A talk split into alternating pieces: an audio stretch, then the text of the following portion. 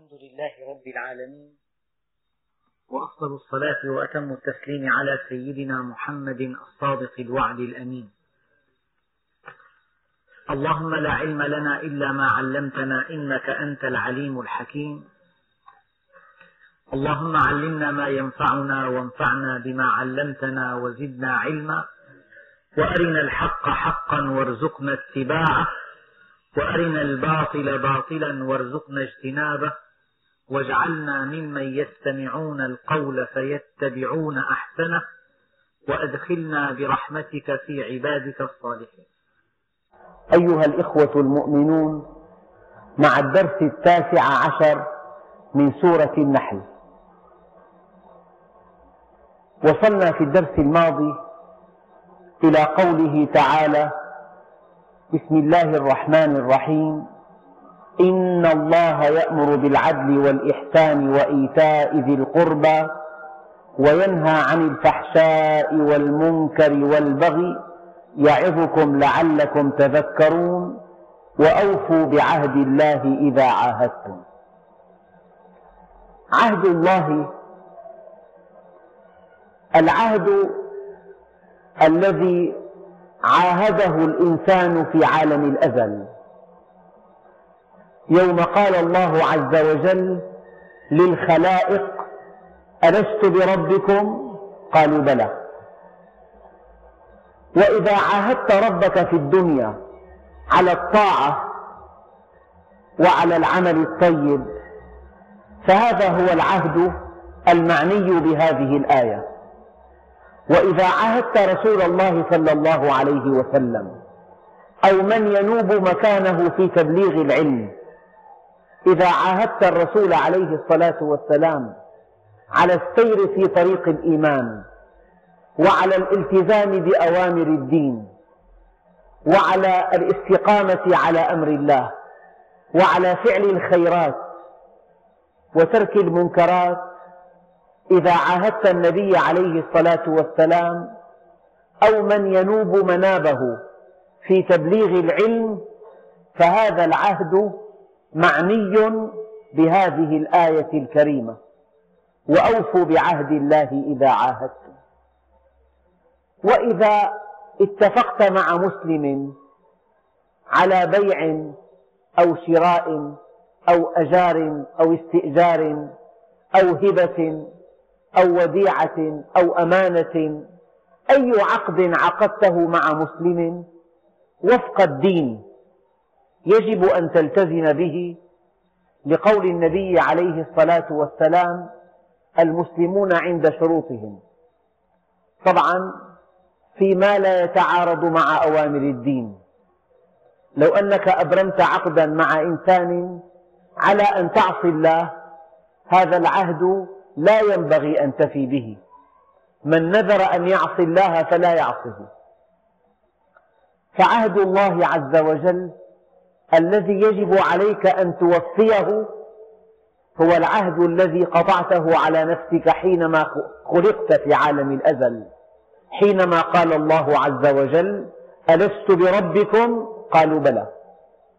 أو إذا عاهدته في الدنيا على التوبة. يا أيها الذين آمنوا لم تقولون ما لا تفعلون؟ كبر مقتا عند الله أن تقولوا ما لا تفعلون. ما لكم إذا قيل لكم انفروا في سبيل الله اثاقلتم إلى الأرض أرضيتم بالحياة الدنيا من الآخرة فما متاع الحياة الدنيا في الآخرة إلا قليل. الإنسان أحيانا في ساعات الشدة في ساعات الضيق في أوان المصائب قد يتوجه إلى الله عز وجل. ويقول له يا رب أعاهدك على الطاعة. أعاهدك ألا أعصيك. ثم الله عز وجل بكرمه ولطفه ورحمته وحكمته يرفع هذه الشدة. فإذا رفع عنك الشدة إياك أن تنقض عهد الله عز وجل.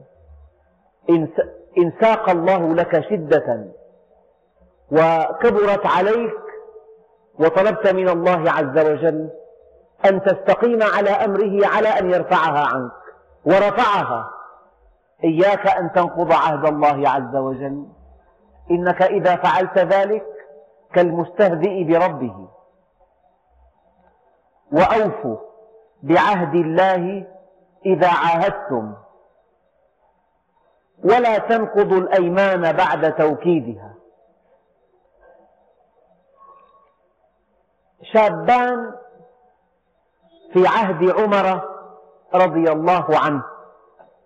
دخلا عليه وهما يسوقان رجلا قتل أباهما. فعقد هذا الخليفة العظيم مجلسا للحكم في هذه الجريمة. عقد مجلسا لمحاكمته وبعد سماع أقوال الشهود وإقرار القاتل حكم عليه بأن يقتل.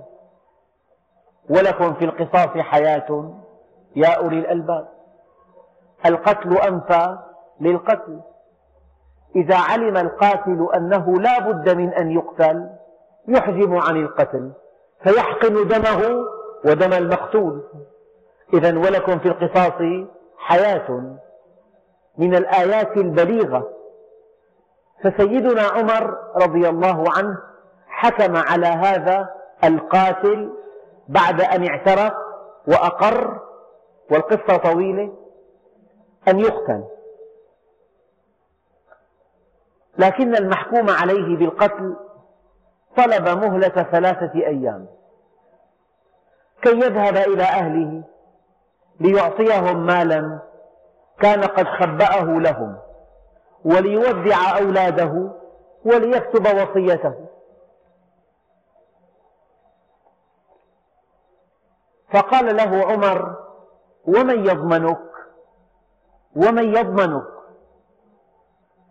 نظر إلى, حو... إلى من حوله بقي الجميع ساكتين. لا أحد يعرفه. ليس من المدينة. فلم يتكلم أحد. لأن أحدا لا يعرفه. فما كان من أبي ذر رضي الله عنه إلا أن قال أنا أكفله يا أمير المؤمنين. والكفيل قد ينفذ فيه حكم القتل.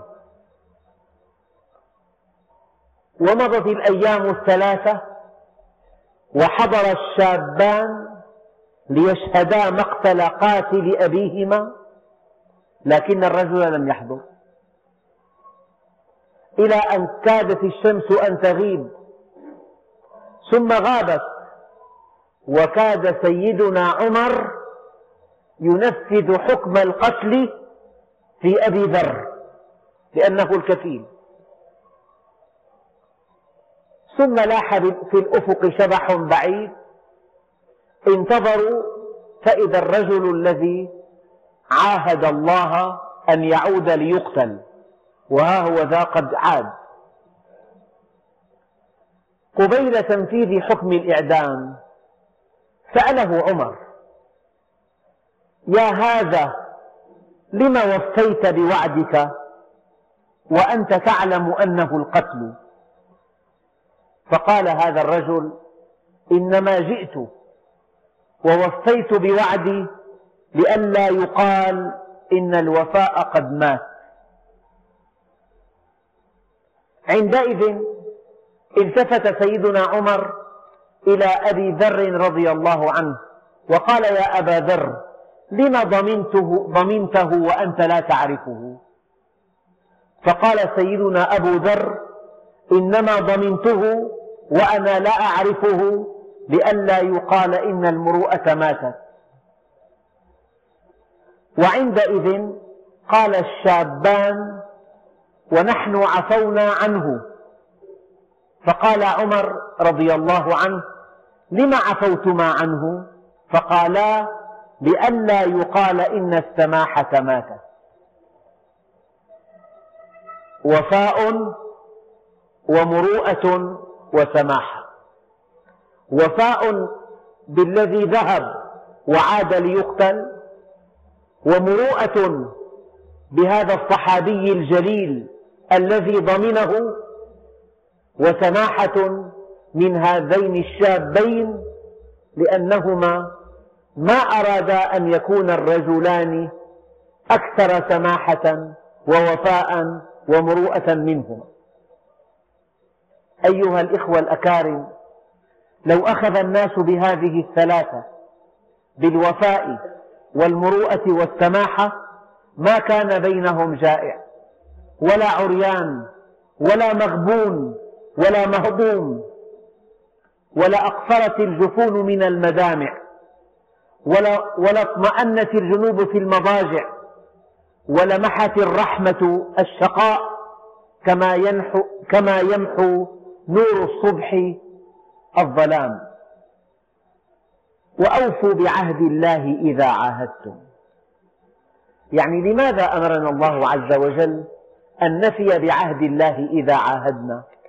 لأن المجتمع الإنساني لا يستقيم بل لا يقوم إلا على الثقة. إذا حذفت الثقة من مجتمعنا انهار المجتمع. لن يقوم عمل لن تقوم تجارة لن تقوم زراعة لن تقوم صناعة لن تقوم علاقة إلا على الثقة بين البشر. فإذا محيت هذه الثقة إذا نزعت هذه الثقة فقد انهار المجتمع. يروى أن رجلا كان يقطع رمال الصحراء المحرقة على فرس له. رأى في الطريق رجلا بائسا فقيرا يمشي حافي القدمين ويكاد الرمل لشدة حره يحرق رجليه.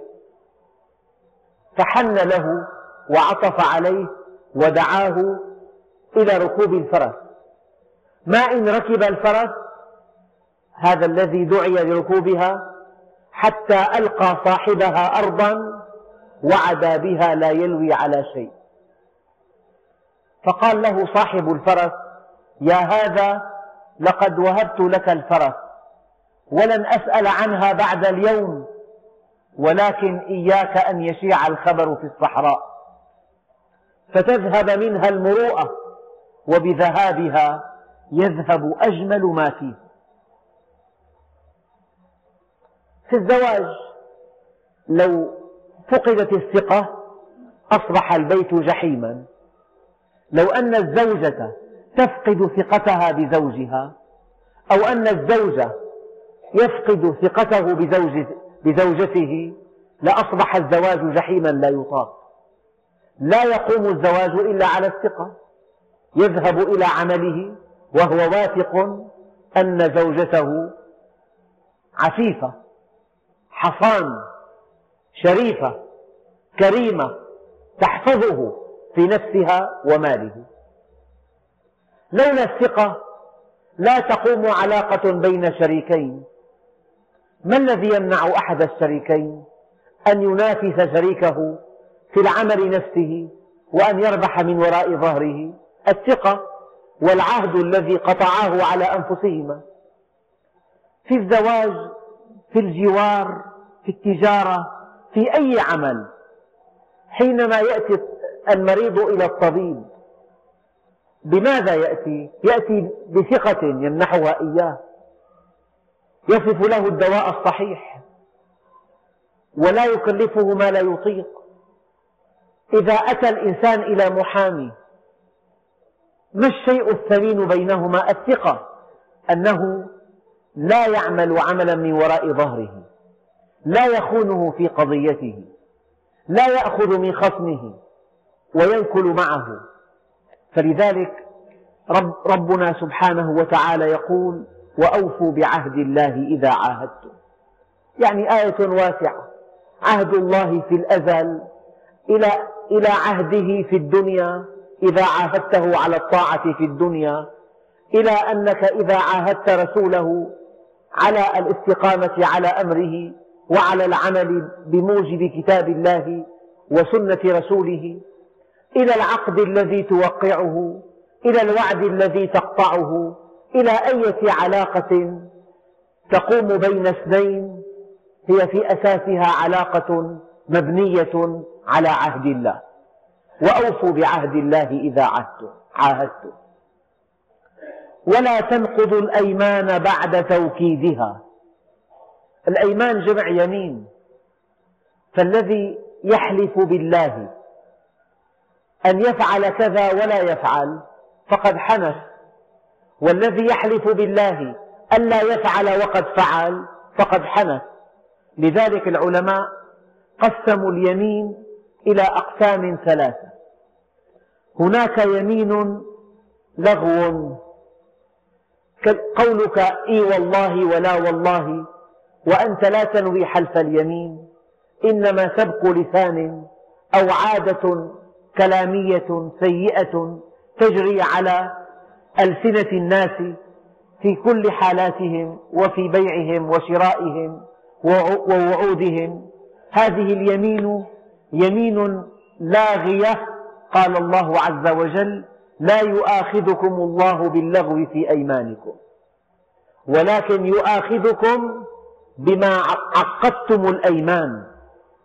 يعني إذا قلت والله وأنت تنوي حلف اليمين وأنت تقصد حلف اليمين فهذه اليمين منعقدة. إذا حنثت بها فعليها كفارة وكفارة اليمين عتق رقبة أو إطعام عشرة مساكين أو صوم ثلاثة أيام. إطعام العتق والإطعام على الخيار. ولكن الصوم ولكن الإطعام والصوم على الترتيب. فمن لم يستطع فصيام ثلاثة أيام. فلذلك ربنا سبحانه وتعالى يقول ولا تنقضوا الأيمان بعد توكيدها. ومن العلماء من استنبط أن العهد بحد ذاته يمين. لأنه لأن الله عز وجل يقول وأوفوا بعهد الله إذا عاهدتم ولا تنقضوا الأيمان. يعني ولا تنقضوا عهد الله. فعهد الله نوع من أنواع اليمين. لكن الفرق بين العهد وبين اليمين أن اليمين لها كفارة ولكن العهد إذا نقض لا كفارة له بل إنه يخرج صاحبه من الإسلام لأن النبي عليه الصلاة والسلام يقول ألا لا إيمان لمن لا أمانة له ولا دين لمن لا عهد له. يعني سبحان الله ما لهؤلاء الناس فصلوا بين الإيمان وبين الخلق؟ مع أن الإيمان والخلق شيئان متلازمان. قال عليه الصلاة والسلام الحياء والإيمان قرنا جميعا فإذا رفع أحدهما رفع الآخر. أرأيت الذي يكذب بالدين؟ فذلك الذي يدع اليتيم. لا, لا إيمان لمن لا أمانة له. ولا دين لمن لا عهد له. هناك أحاديث كثيرة ليس منا. من وسع الله عليه ثم قتر على عياله. فالبخيل ليس من أمة سيدنا محمد. ليس منا من خبب امرأة على زوجها. ليس منا من دعا إلى عصبية. ليس منا من قاتل على عصبية. ليس منا من قتل على عصبية. ليس منا من انتهب أو سلب أو أشار بالنهب والسلب. هناك أحاديث كثيرة مطلعها ليس منا. معنى ذلك هناك تلازم تلازم ضروري أو ترابط وجودي بين التدين الصحيح والخلق القويم. أتدرون من المفلس كما قال عليه الصلاة والسلام؟ فقالوا المفلس من لا درهم له ولا دينار. قال لا المفلس من أتى يوم القيامة بصلاة وصيام وزكاة وقد شتم هذا وأكل مال هذا واعتدى على هذا. حديث طويل. فيأخذ هذا من حسناته وهذا من حسناته وهذا من حسناته فإذا انتهت حسناته ولم يقض ما عليه طرحت عليه خطاياهم فطرح في النار. يا رسول الله حديث آخر إن فلانة تذكر أنها تكثر من صلاتها وصدقتها وصيامها غير أنها تؤذي جيرانها بلسانها. قال هي في النار. هي في النار. ويا رسول الله إن فلانة تذكر أنها تقل من صلاتها. الفرض فقط. الخمس فروض من دون أوابين وضحى وقيام ليل. وصدقتها الزكاة فقط. وصيامها رمضان فقط. غير أنها تحسن إلى جيرانها. قال هي في الجنة. أحسن المسلمين إسلاما؟ أحسنهم خلقا؟ أكمل المؤمنين إكمال إيمانا؟ أحسنهم خلقا؟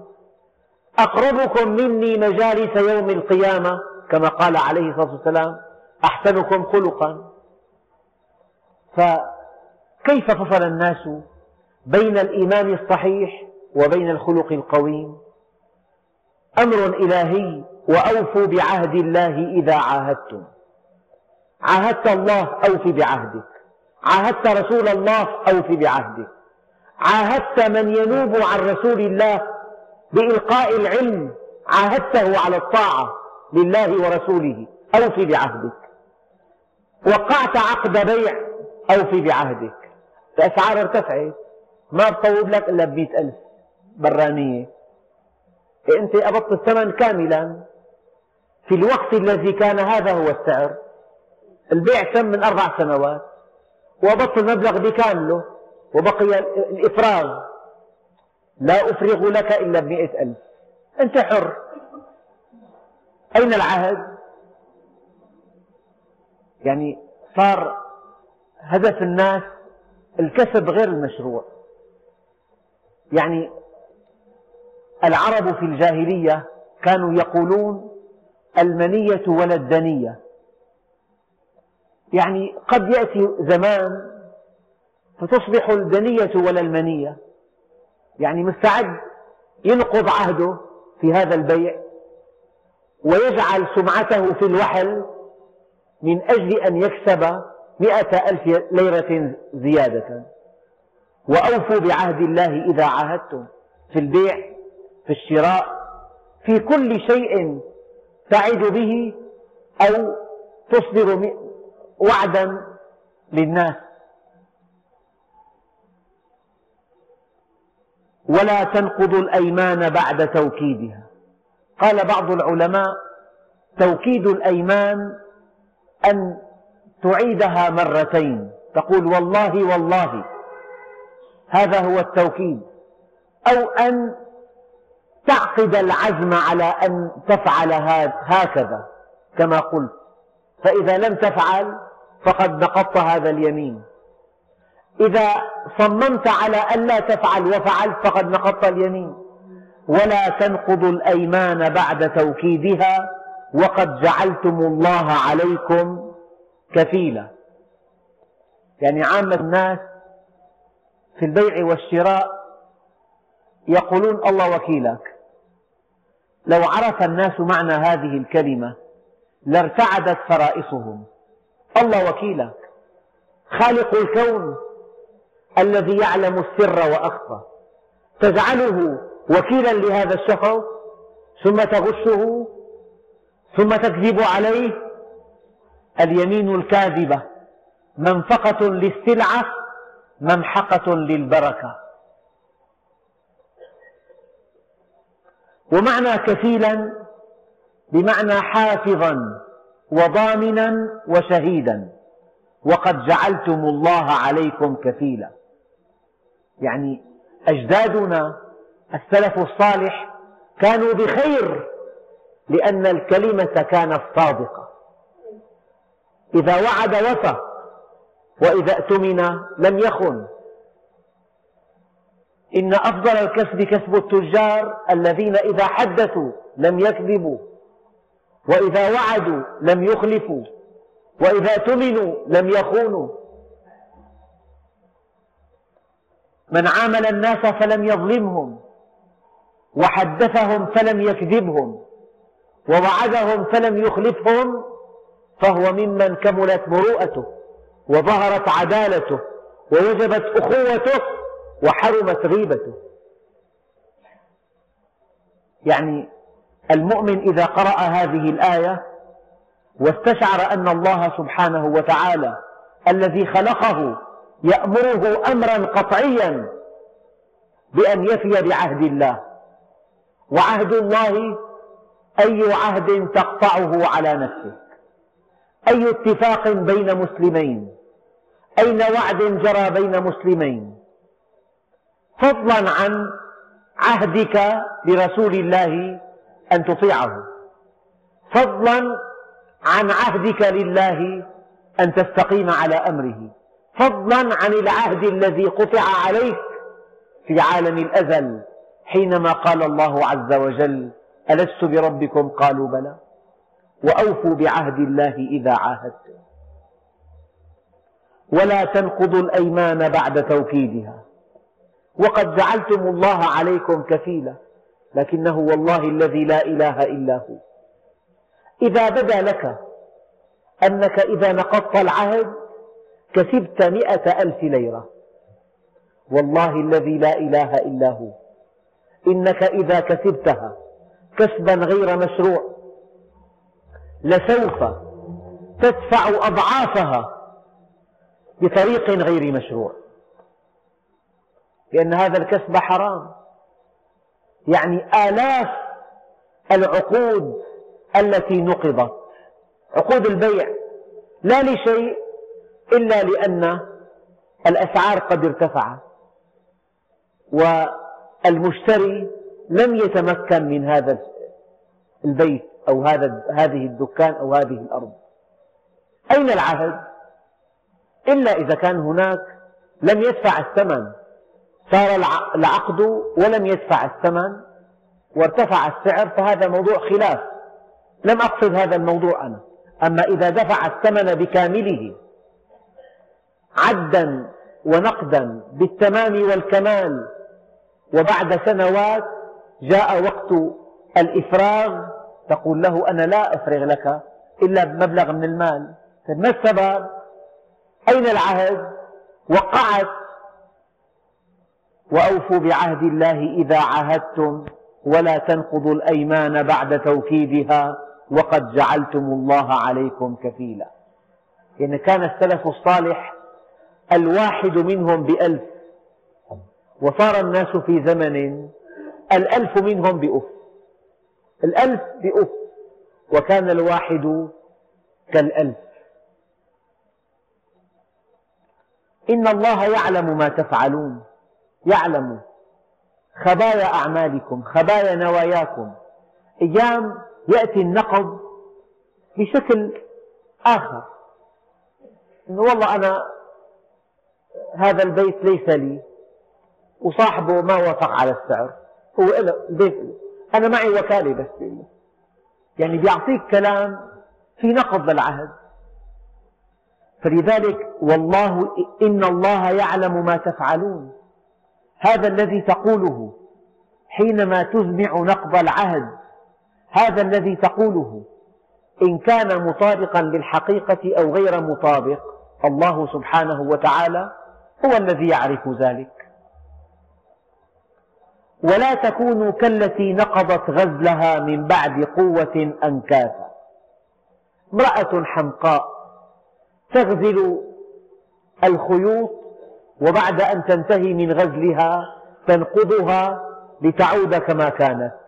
ما الذي حدث؟ جهد ضائع.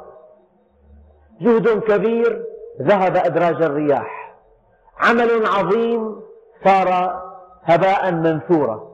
فهذه التي نقضت غزلها من بعد قوة أنكاثا تتخذون أيمانكم دخلا بينكم. أن تكون أمة هي أربى من أمة. يعني أحيانا الإنسان بعاهد يبرم, يبرم اتفاقا أو يعقد عقدا أو يعاهد عهدا. يلوح له بعد حين. يعني باع البيت بعد الأيام وقع عقد وقبض دفعة أولى وانتهى كل شيء. جاءه رجل قال أنا أشتريه منك. بمئة, بمئة ألف زيادة. ما الذي جعله ينقض العهد؟ هذا الإغراء. فربنا عز وجل يقول ولا تجعلوا أيمانكم دخلا بينكم. أن تكون أمة هي أربى من أمة. معنى دخلا يعني دغلا. والدغل هو الغش والخديعة. يعني حلفت وعقدت اليمين. وعزمت على تنفيذ ما قلت. لاح لك مكسب مادي فنقضت العهد. طبعا من أسباب نزول هذه الآية أن بعض القبائل عاهدوا رسول الله صلى الله عليه وسلم.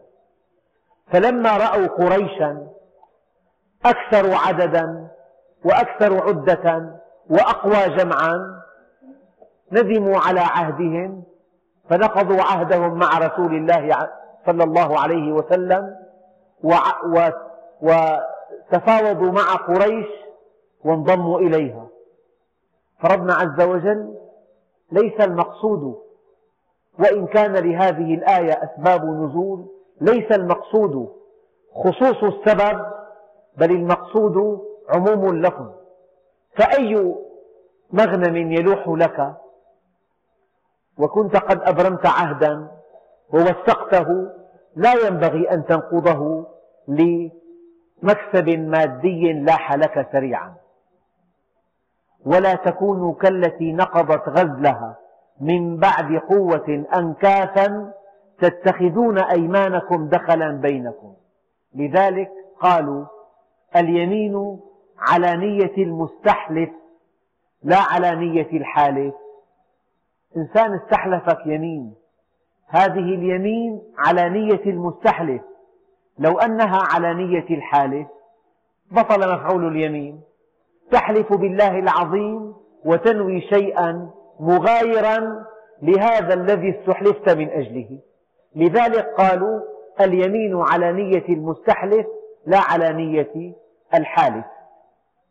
تتخذون أيمانكم دخلا بينكم أن تكون أمة هي أربى يعني أغنى أو أكثر عددا من أمة إنما يبلوكم الله به.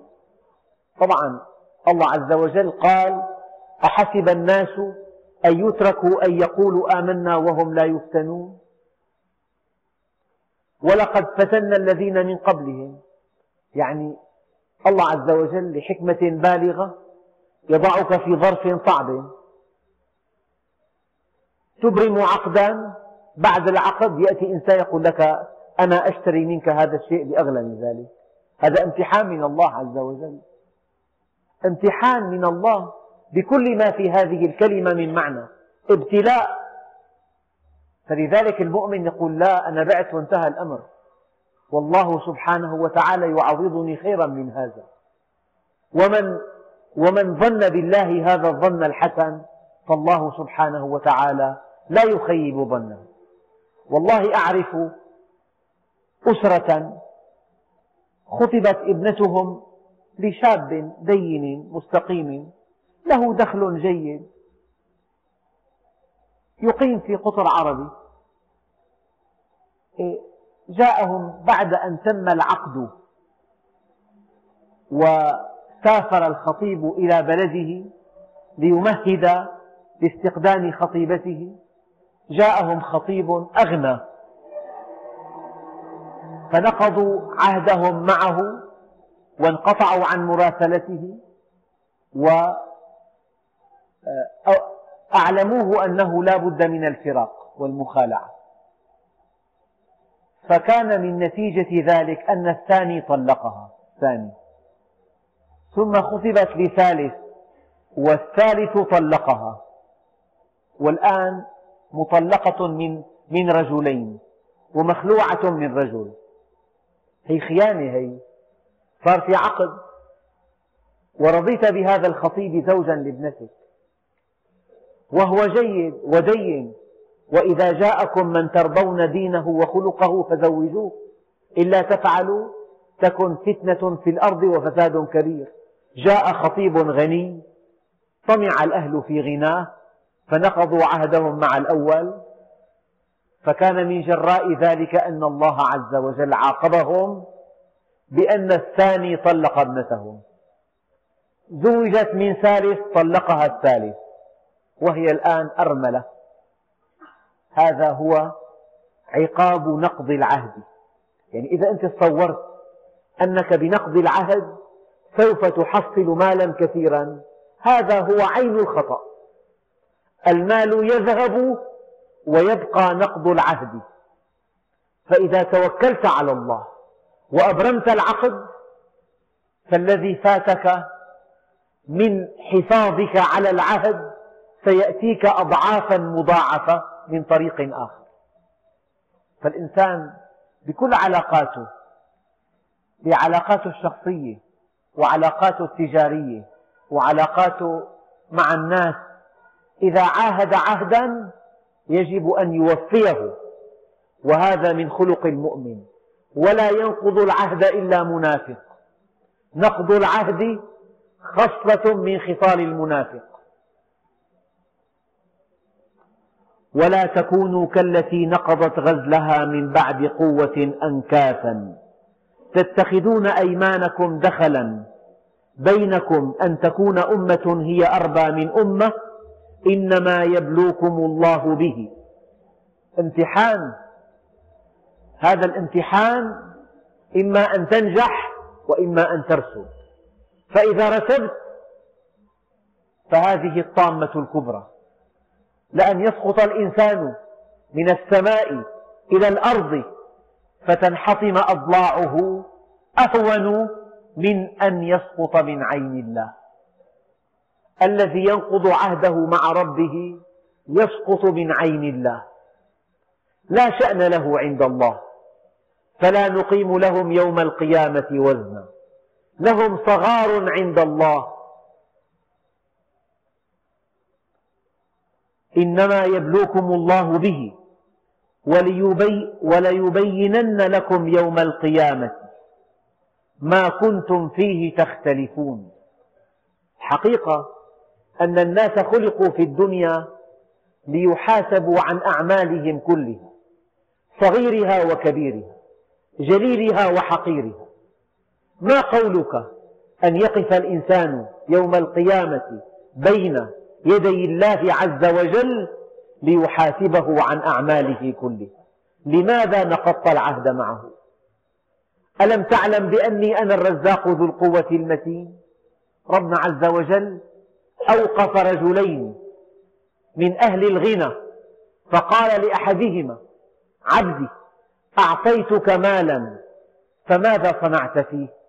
فقال يا ربي لم أنفق منه شيئا على أحد مخافة الفقر على أولادي من بعدي.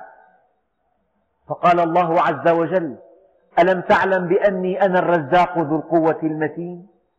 إن الذي خشيته على أولادك من بعدك قد أنزلته بهم. وسأل عبدا آخر قال يا عبدي أعطيتك مالا فماذا صنعت فيه؟ قال يا ربي أنفقته على كل محتاج ومسكين. لثقتي بأنك خير حافظا وأنت أرحم الراحمين. فقال يا عبدي أنا الحافظ لأولادك من بعدك عهد. تعاهد الله عز وجل. تعاهد خالق الكون. رافع السماء بلا عمد. تعاهد الديان. تعاهد الحي الذي لا يموت. تعاهد الذي إلينا جميعا. مصيرنا إليه جميعا. إن إلينا إيابهم. ثم إن علينا حسابهم. يعني كلمة واحدة ليس لها جواب. لماذا نقضت عهدك يا عبدي مع فلان؟ ما الذي فعله حتى نقضت عهدك معه؟ ينسحب على هذا أن الذي يتزوج يجب أن تكون نية الزواج على التأبيد. فلو أن الزوج أضمر في نفسه أنه بعد كذا من السنين يطلقها فهو زان في كل مدة قضاها معه. هذا عهد أيضا. هذه الفتاة التي خطبتها من بيت أهلها كانت في دعة وراحة وطمأنينة غررت بها كي تجعلها بعد أيام مطلقة أو بعد أشهر أو بعد سنوات. ولو شاء الله لجعلكم أمة واحدة. يعني مثل هذه الآيات في القرآن الكريم تعني أن الإنسان مخير. لو لولا أنه مخير لكان الناس أمة واحدة متشابهين. يعني معمل يصنع بضاعة. يصنع مئة ألف قطعة مئتين ألف قطعة متشابهة كلها على شكل واحد ونمط واحد. الإنسان لكن مخير. لولا اختياره لكان الناس أمة واحدة. لكن الإنسان ما الذي يرفعه عند الله عز وجل؟ أنه مكلف. إنا عرضنا الأمانة على السماوات والأرض والجبال فأبين أن يحملنها. وأشفقن منها وحملها الإنسان. الإنسان مكلف أن يعرف الله عز وجل وأن يستقيم على أمره. في الإسلام عقيدة وفي الإسلام شريعة. العقيدة يجب أن تؤمن بها بعد بحث ودرس لأنه كما قال علماء الأصول لا تقبل لا يقبل التقليد في العقيدة. لا يقبل التقليد في العقيدة. وهناك شريعة يعني تنظيمات دقيقة جدا في حياتك الشخصية في زواجك مع جيرانك في بيعك في شرائك في تجارتك في صناعتك في زراعتك في الزكاة مع الفقراء مع علاقات دقيقة. فالإسلام عقيدة وشريعة. الإسلام إيمان وعمل صالح. وربنا عز وجل قرن بين الإيمان والعمل الصالح. في أكثر آيات القرآن الكريم. ولو شاء الله لجعلكم أمة واحدة. لولا أنكم مخيرون لكنتم أمة واحدة. لولا أنكم تتفاوتون في اختياركم لكنتم أمة واحدة. ولو أنكم أمة واحدة لما استحققتم هذا العطاء الكبير. ما في اختيار ما في رقي. ما الذي يرفع الناس في الجنة؟ أنهم جاءوه مختارين. لو, لو أن الله عز وجل أجبر عباده على الطاعة لبطل الثواب. ولو أنه أجبرهم على المعصية لبطل العقاب. ولو أنه تركهم هملا لكان هذا عجزا منه. لم يتركهم هملا. ولم يجبرهم على طاعته ولا على معصيته بل جعلهم مكلفين. ومعنى مكلفين يعني مخيرين. يعني أنت بالمناقشة إذا قلت لصانع عندك في المحل تعال باكرا بربك قل لي أليس معنى قولك لهذا الصانع تعال باكرا؟ أنه يستطيع أن يأتي متأخرا؟ لماذا قلت له تعال باكرا؟ لأنه مخير. لأنه بإمكانه أن يأتي باكرا وأن يأتي متأخرا. فهذا الأمر منك يقتضي أنه مخير. لأنك أمرته فهو مخير. وإذا قلت لصانعك لا تفعل كذا. لا تعمل كذا. أليس بإمكانه أن يعمل كذا؟ بمجرد أنك نهيته عن هذا العمل. هذا النهي عن العمل يقتضي أنه يستطيع أن يفعل ضده. فالإنسان مخير.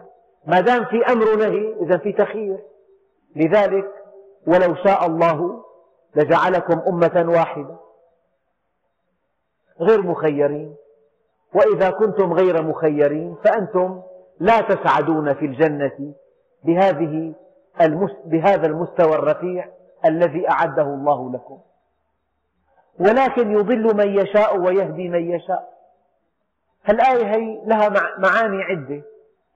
أبسط معانيها هناك ضلال ابتدائي من اختيار الإنسان وهناك ضلال جزائي. يعني إذا الابن أصر أنه ما يدرس أصر بعد محاولات يائسة من الأب أصر على عدم الدراسة؟ عندئذ يخرجه الأب من المدرسة ويدفعه إلى عمل معين. هل نقول إن الأب جنى عليه فأخرجه؟ لا. إخراج الأب لابنه من المدرسة جزاء إصراره على عدم الدراسة. فهذا الضلال الذي في هذه الآية ضلال جزائي. سبقه ضلال ابتدائي اختياري. العبد اختار الضلال فأضله الله عز وجل. ولكن الله يضل من يشاء ويهدي من يشاء. وقد تحمل على أن الذي يشاء الضلال هناك طريق للضلال ومن يشاء الهدى هناك طريق للهدى. إنا هديناه السبيل. إما شاكرا وإما كفورا ولو شاء الله لجعلكم أمة واحدة ولكن يضل من يشاء ويهدي من يشاء.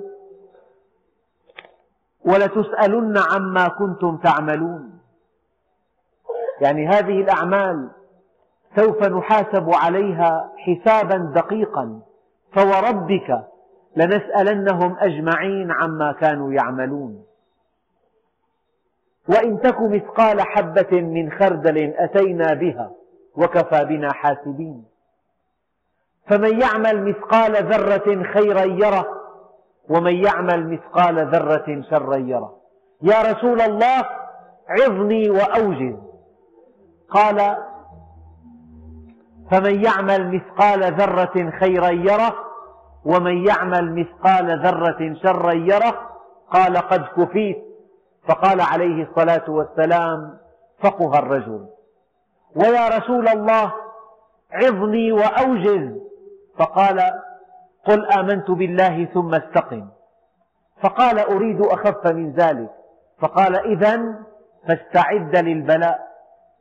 فاستعد إذا للبلاء. إذا ولتسألن عما كنتم تعملون. يعني أنت مخير. ولو شاء الله لجعلكم أمة واحدة. أنتم لستم كذلك.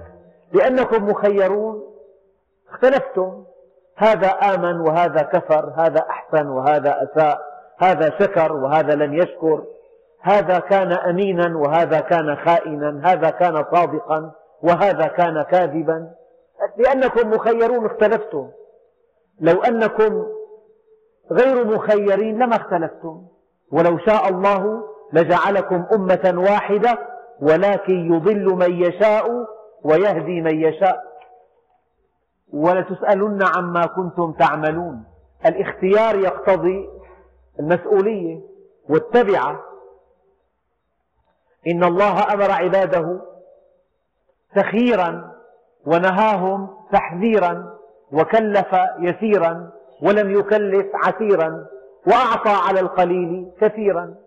ولم يعص مغلوبا ولم يطع مكرها. جيء برجل شارب خمر إلى سيدنا عمر فقال والله يا أمير المؤمنين إن الله قدر علي ذلك. فقال أقيموا عليه الحد مرتين. مرة لأنه شرب الخمر ومرة لأنه افترى على الله. لذلك يقول الله عز وجل أيحسب الإنسان أن يترك سدى؟ هو مخير ومكلف وسوف يحاسب. ألم يكن نطفة من مني يمنى؟ ثم كان علقة فخلق فسوى فجعل منه الزوجين الذكر والأنثى. أفحسبتم أنما خلقناكم عبثا وأنكم إلينا لا ترجعون؟ هذه الآية تعني أن الإنسان مخير وسوف, وسوف يحاسب على اختياره. لم فعلت كذا ولم لم تفعل.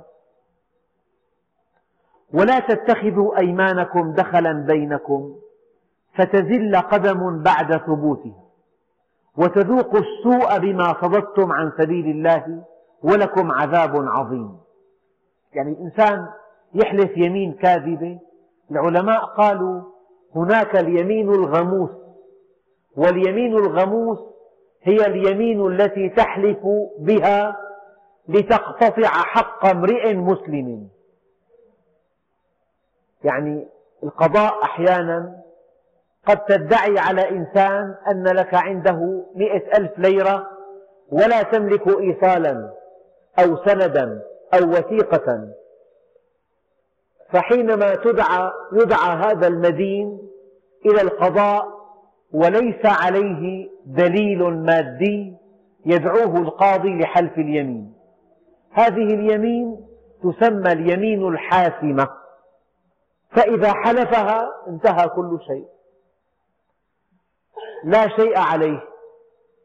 فإن لم يحلفها يعد عدم حلفه لها دليلا على ثبوت هذا المبلغ. فلذلك الإنسان قيل للكذاب أتحلف اليمين؟ قال جاء الفرج. نعم أحلف اليمين. ولا تتخذوا أيمانكم دخلا بينكم فتزل قدم بعد ثبوتها. زلة القدم أن تقع في المعصية. لذلك اليمين الغموس لا كفارة لها. لماذا؟ لأنها تغمس صاحبها في النار. قولا واحدا. لكن هناك ملاحظات. هناك من يحلف يمينا غموسا. هناك من يحلف يمينا غموسا. وتمضي الشهور والسنوات ولا يحدث له شيء. وهناك من يحلف يمينا غموسا ولا يغادر قاعة المحكمة إلا وقد أصيب. كلا الحالتين مذكور في القرآن الكريم مذكورة في القرآن الكريم. ربنا سبحانه وتعالى يقول قل سيروا في الأرض ثم انظروا كيف كان عاقبة المكذبين. ثم للترتيب على التراخي. والآية الثانية قل سيروا في الأرض فانظروا كيف كان عاقبة المكذبين. الفاء للترتيب على التعقيب. فقد تكون الحكمة أن يؤخر له في العقاب وقد تكون الحكمة أن يعجل له في العقاب. على كل اليمين الغموس تلك اليمين التي يحلفها المرء ليقتطع بها حق امرئ مسلم لا كفارة لها. لأنها تغمسه في النار. ولا تتخذوا أيمانكم دخلا بينكم. فتزل, فتزل قدم بعد ثبوتها. الإنسان باستقامته يثبت في الإيمان. فإذا عصى الله عز وجل زلت قدمه وطرد من دولة الإيمان. يعني سيدنا عمر رضي الله عن عمر كان إذا أصابته مصيبة كان يقول الحمد لله إذ لم تكن في ديني كله سهل. ذهاب المال سهل. احتراق البيت احتراق المحل مصادرة المال كل شيء لا علاقة له بالدين فمصيبة هينة. فكان عمر رضي الله عنه إذا أصابته مصيبة يقول الحمد لله إذ لم تكن في ديني فتزل قدم بعد ثبوتها. والحمد لله إذ لم تكن أكبر منها. والحمد لله إذ ألهمت الصبر عليها. فتزل قدم بعد ثبوتها وتذوق السوء بما صددتم عن سبيل الله ولكم عذاب عظيم. يا الله هذه الآية دقيقة جدا. ما علاقة الصد عن سبيل الله بحلف اليمين الكاذبة؟ لا أرى علاقة. ولا تتخذوا أيمانكم دخلا بينكم فتزل قدم بعد ثبوتها. واضحة وتذوقوا السوء بما صددتم عن سبيل الله. ما له علاقة بالموضوع هذا؟ هو حلف يمينا كاذبة كيف بهذه اليمين صد عن سبيل الله؟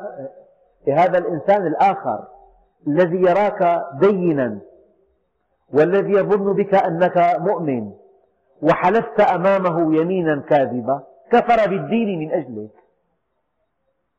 صددته أنت عن سبيل الله صغرت الدين في عينيه جعلت الدين تجارة تتاجر بها. أنت إذا حلفت يمينا كاذبة ويعرف الناس عنك أنك زين. فقد جعلتهم يكفرون بهذا الدين. فقد جعلتهم يقولون هؤلاء الذين يدعون أنهم دينون هم كاذبون. لا تثقوا بهم. لا تصدقوهم. يعني لو أنك ألقيت, أو ألقيت والله الذي لا إله إلا هو. وأنا واثق من هذا الكلام. لو أنك ألقيت ألف محاضرة في الصد عن سبيل الله ما بلغت في الناس كما لو أسأت معاملتهم. لذلك قال عليه الصلاة والسلام أنت على ثغرة من ثغر الإسلام فلا يؤتين من قبلك. إياك أن تسبب للإسلام اتهاما من قبلك من نقضك العهد من بعض الكذب من بعض الإساءة. كثير الآية دقيقة. ولا تتخذوا أيمانكم دخلا بينكم فتزل قدم بعد ثبوتها وتذوقوا السوء بما صددتم عن سبيل الله. يعني أنت إذا حلفت يمينا كاذبة صددت الناس عن سبيل الله. جعلتهم يرون الدين خرافة. هذا هو الدين؟ أهكذا يأمرك الدين أن تحلف يمينا كاذبة لذلك هذا الذي يسيء معاملة الناس ويصلي أمامهم هو الذي يبعدهم عن الصلاة. هو الذي يقول لهم الصلاة كذب. أنا أصلي وها أنا ذا أسيء لكم. هذا الذي يغش الناس في بيعه وشرائه. هذا الذي ينقض عهده مع الناس. هذا الذي يحتال عليهم. هذا الذي يغشهم ويصلي أمامهم. إنه يصدهم عن الصلاة. يجعل الصلاة في نظرهم صغيرة. شيئا لا قيمة له. يصلي ويفعل كذا. لذلك قال عليه الصلاة والسلام من لم تنهه صلاته عن الفحشاء والمنكر لم يزدد من الله إلا بعدا. يعني أنت إذا استقمت على أمر الله تكون داعية إلى الله من دون أن تشعر. ولو لم تنطق بكلمة ولو لم تنبش ببنت شفة لو بقيت ساكتا وأحسنت للناس. الآن بإندونيسيا تقريبا حدثني أخ في حوالي 150 مليون مسلم. نحن كأمة عربية كلنا 100 مليون. إندونيسيا فقط 150 مليون مسلم. كلهم أسلموا عن طريق التجار. لم يسلموا عن طريق الدعاة ولا عن طريق الفتوح بل أسلموا عن طريق التجار. هذا التاجر الصدوق الذي لا يكذب لا يغش لا يحتال. لا يرفع السعر من أجل أن يرهق الناس لا يحتكر البضاعة لا يفرح أن يعيش هو وحده ويشقى الناس. التاجر الصدوق مع النبيين والصديقين يوم القيامة. الذين إذا حدثوا لم يكذبوا وإذا وعدوا لم يخلفوا وإذا اؤتمنوا لم يخونوا وإذا باعوا لم يطروا وإذا اشتروا لم يذموا. وإذا كان عليهم لم يمطلوا وإذا كان لهم لم يعسروا بلاد في شرقي آسيا أسلمت جميعا من خلال المعاملة الطيبة يعني أنت بالذات وين ساكن؟ بأي حي ساكن؟ إذا كنت جار مستقيم تغض بصرك وتحسن إلى جيرانك لا بد من أن يقول لك بعض الجيران خذنا معك إلى المسجد أنت إنسان عظيم أنت إنسان مستقيم. فإذا, فإذا أسأت إليهم وذهبت أمامهم إلى المسجد ربما كرهوا المساجد وكرهوا الصلاة من أجلك. أليس كذلك؟ هذه الآية. ولا تتخذوا أيمانكم دخلا بينكم. فتزل قدم بعد ثبوتها وتذوقوا السوء بما صددتم عن سبيل الله ولكم عذاب عظيم. والحمد لله رب العالمين. الحمد لله رب العالمين. وأفضل الصلاة وأتم التسليم على سيدنا محمد الصادق الوعد الأمين. اللهم اجز عنا سيدنا محمدا صلى الله عليه وسلم ما هو أهله. واجز عنا صحابته الكرام ما هم أهله. واجز عنا مشايخنا ومن علمنا ومن له حق علينا. اللهم اجعل جمعنا هذا جمعا مباركا مرحوما. واجعل تفرقنا من بعده تفرقا معصوما. ولا تجعل فينا ولا منا ولا معنا شقيا ولا محروما. اللهم كما هديتنا للإسلام فثبتنا عليه. اللهم ألزمنا سبيل الاستقامة لا نحيد عنها أبدا واهدنا لصالح الأعمال لا يهدي لصالحها إلا أنت. وصلى الله على سيدنا محمد وعلى آله وصحبه وسلم والحمد لله رب العالمين. الفاتح